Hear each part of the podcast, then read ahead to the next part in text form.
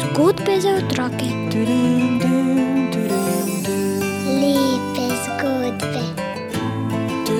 Narodne pravljice. Bere nam jih Juri Sešer. Lepo pozdravljeni, prijatelji pravljic našega podcasta Zgodbe za otroke. Danes bi vam rad prebral zgodbo, ki je nastala po Andersenovi pravljici Cesarjeva nova oblačila. Priredila jo je Mateja Gomboc. V nekem kraljestvu je živel cesar, ki je bil pravi gizdalin. Najpomembneje mu je bilo, da je bil videti lep. Oblačil se je po najnovejši modi in si kupoval nove in nove, vedno nove obleke. Nekega dne sta prišla v mesto sleparja. Takoj sta razširila govorico, da sta tkavca in da tketa najlepše blago v prekrasnih barvah in vzorcih, ki pa ima tudi čudovito lastnost. Če je človek neumen in nesposoben, ga ne more videti. Cesar je bil navdušen. Wow, imel bom krasna oblačila, pa še izvedel bom, kdo v moji državni službi je neumen in nesposoben. Dal je tkavcema veliko denarja, da začneta tkati blago zanj. Postavila sta statve in začela tkati. A na njih ni bilo ničesar. Zahtevala sta najboljšo svilo in zlato nit. Oboje sta vtaknila v svoj žep, delala pa nista nič. Cesarja je zanimalo, koliko sta naredila, zato je poslal svojega ministra tkavcema. Dobri stari minister je stopil k sleparjema in, o, bog se usmili, na statvah ni videl nič. Ojoj, sem mar neumen in nisem sposoben za svojo službo, tega ne sme izvedeti nihče. In je čez vse hvalil čudovito blago, prekrasen vzorec in prelivajoče barve. Vrnil se je k cesarju in mu povedal, da je blago res lepo.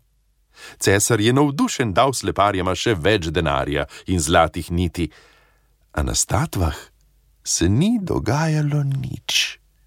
Nič. Čez čas pošlje cesar drugega ministra, da bo videl, ali je neumen ali ne in ali je blago že narejeno. Tudi ta ni na statvah videl ničesar, vendar tega cesarju ni hotel priznati. Zato se mu je zlagal, da je videl čudovito blago. Zdaj je začelo zanimati še cesarja in odpravil se je k tkavcema. Toda glej, statve so bile prazne. Kaj? Prav nič ne vidim. Sem mar neumen in nisem sposoben za cesarja. Sej to je strašno, se je cesar zgrozil sam pri sebi in začel tudi on glasno lagati.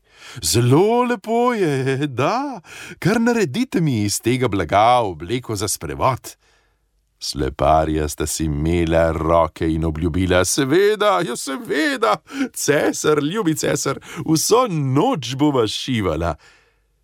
Cesar je odšel nekoliko poklapan domov, tkavca pa sta prižgala vse luči, da so vsi videli, kako vso noč delata. Naslednji dan pride cesar in tkavca ga začneta oblačiti. Najprej srajco in hlače, tako, še suknič in plašč, cesar, joj, stoji vam kot ulito. Prav zares, so rekli vsi, ki so cesarja spremljali, čeprav niso imeli kaj videti. In lahko je, uh, lahko je kot peresce, se je cesar vrtel pred zrcalom, a mu je bilo malce nelagodno, ker je v resnici videl samega sebe samo v spodnicah in je šel pred sprevodom. Množice so drle na ulice, da bi videle cesarjeva nova oblačila. O, kako so čudovita, kako prekrasna, joj, kaj takega pa še ne, so govorili in si niso hoteli priznati, da ničesar ne vidijo, saj bi jih kdo imel za neumne. In tedaj Ja, saj nima ničesar na sebi. Na zadnje vzklikne neki otrok. Vsi se zdrznejo, a tedaj gre kot val med njimi. Sej res nima ničesar. Je, cesar je gov. Tudi cesarja dosežejo te besede. Najprej so ga vznemirile, na to, na to pomirile. Verjetno imajo prav, a sprevod moram dostojno pripeljati do gradu. Z visoko dvignjeno glavo je prišel do gradu, na to pa nekaj dni ni šel nikamor. Sej razumete, zakaj, kaj ne?